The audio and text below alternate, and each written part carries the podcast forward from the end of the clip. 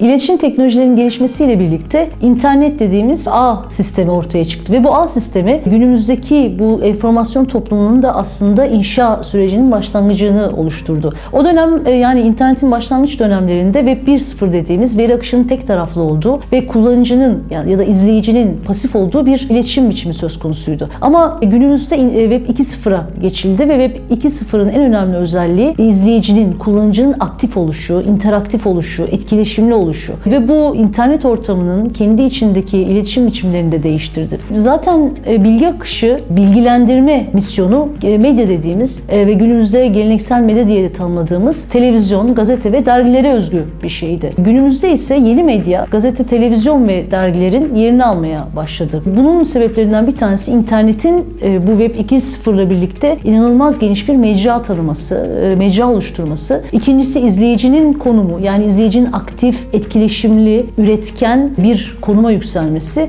Üçüncüsü bilgisayarlar aracılığıyla verinin sayısallaşması. Bu yeni medya dediğim, bu bütün koşullar yeni medya dediğimiz yeni iletişim biçimlerini, yeni medya biçimlerini ortaya çıkardı. Aslında yeni medyanın yeni sıfatı e, bu bilgisayar teknolojilerinin verileri sayısallaştırmasından alıyor. Halbuki geleneksel medyadaki o haber akışı, haber e, haber oluşturma, televizyondaki üretilen bir takım hareketli içerikli imgeler, içerikler bunların hepsi yeni medyanın içerisinde var. Ama geleneksel medyadan ayrılan en önemli şeylerden bir tanesi hızlı oluşu, mecrasının sanal oluşu, zamansız ve mekansız bir sanal evrende kendine yer edinmesi. Aynı zamanda izleyicinin konumunu hep vurgulamak istiyorum. Çünkü siz bilgisayarınızın önüne oturduğunuzda herhangi bir sosyal ağ açtığınızda kendi duygu ve düşüncelerinizi bu sosyal ağ aracılığıyla birçok insana iletiyorsunuz. Eskiden şu an hala televizyon var tabii ama televizyonu izlerken anlık reflekslerimizi televizyonda bizi izleyen insanlara ulaştıramıyoruz ama yeni medya aracılığıyla o anlık tepkilerimizi, fikirlerimizi, yorumlarımızı karşıdaki e, kişilere bilgisayar camı aracılığıyla ya da bilgisayarın içerisinde bulunan bir takım programlar aracılığıyla ulaştırabiliyoruz. Sadece bilgisayar değil, cep telefonlarının da hem tek başına e, inanılmaz bir e, araca dönüşmesi. Yani hem telefon amacıyla kullanıyoruz, hem haber izliyoruz, hem televizyon izleyebiliyoruz, film izleyebiliyoruz. Aynı zamanda sosyal ağlara bağlanabiliyoruz bu aplikasyonlar aracılığıyla. Yani küçücük bir araç aslında bizim ihtiyacımız olan her şeyi karşılayabiliyor ve bu cep telefonları e, artık bizim 24 saat online olmamızı sağlıyor.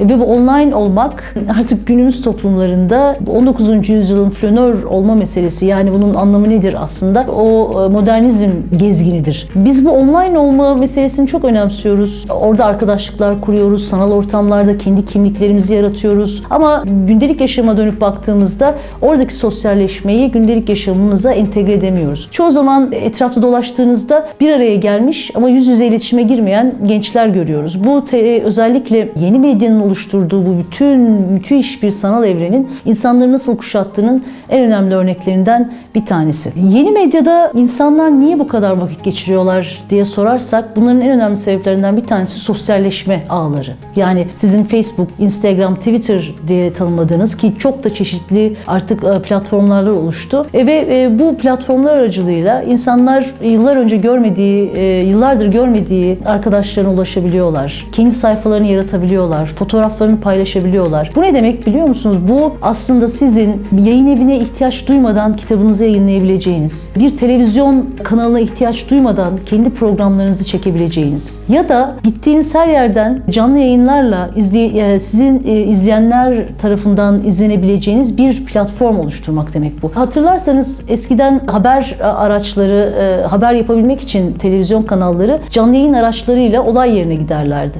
Şimdi artık günümüzde buna ihtiyaç kalmadı. Dikkat ederseniz muhabirler bazen e, özellikle çok önemli bölgelerden kendi cep telefonları aracılığıyla canlı yayın aplikasyonlarını kullanarak olay yerinden bilgiler vermeye başladı. Bu ne demek? Bu aslında iletişimi ucuzlatan, televizyon kanallarının bu canlı yayın araçlarını daha temkinli, daha az kullanmalarına sebep olan inanılmaz bir şey. Aynı zamanda biz izleyiciler olarak ya da bu medyayı, yeni medyayı kullananlar olarak da bizim aslında e, içerik üretme gücümüzün, e, bunu paylaşma hızımızın ve kendi izleyici kitlemizi oluşturma becerimizin bir yansıması. Ama şunu unutmamak lazım.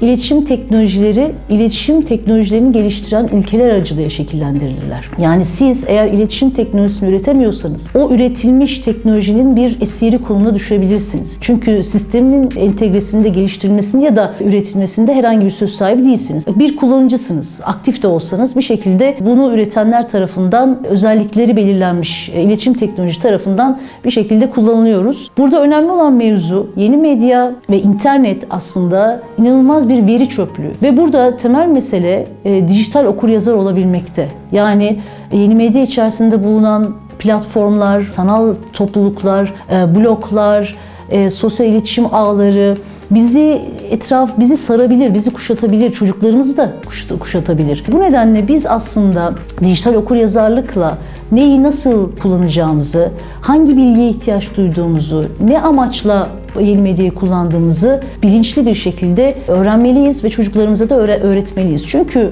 yeni medya hipermetin içerir. Hipermetin nedir? Hipermetin diyelim ki şöyle düşünelim. E, Google'a girdiniz bir şey arıyorsunuz. Yani bir konu üzerinden araştırma yapıyorsunuz. Bir saat sonra aslında hiç araştırdığınız konuyla ve geldiğiniz nokta arasında ilişki olmadığını fark edersiniz. Çünkü internet bize öyle bir şey sağlar ki bir metinden bambaşka bir içeriğe doğru sizi yönlendirir. Siz hep oraya tıkla, burayı e, aç, e, oraya da bir gör gibi yönlendirmelerle bambaşka ortamlara sürükleyebilir. Bu yüzden yeni medya günümüzün vazgeçilmezi, hepimizin eli kolu, tüm o iletişim araçlarımızın aslında temeli, bilgi alma isteğimizin, sosyalleşme isteğimizin, üretme, paylaşma ve tüketme isteğimizin de bir aracı. Çünkü reklamları da paylaşıyor e, şirketler ya da sanal ekonomi de bunun üzerinden dönüyor. Ama önemli olan şey neyi, ne kadar, nasıl ve ne amaçla kullandığımızı bilinçli bir şekilde tercih etmek.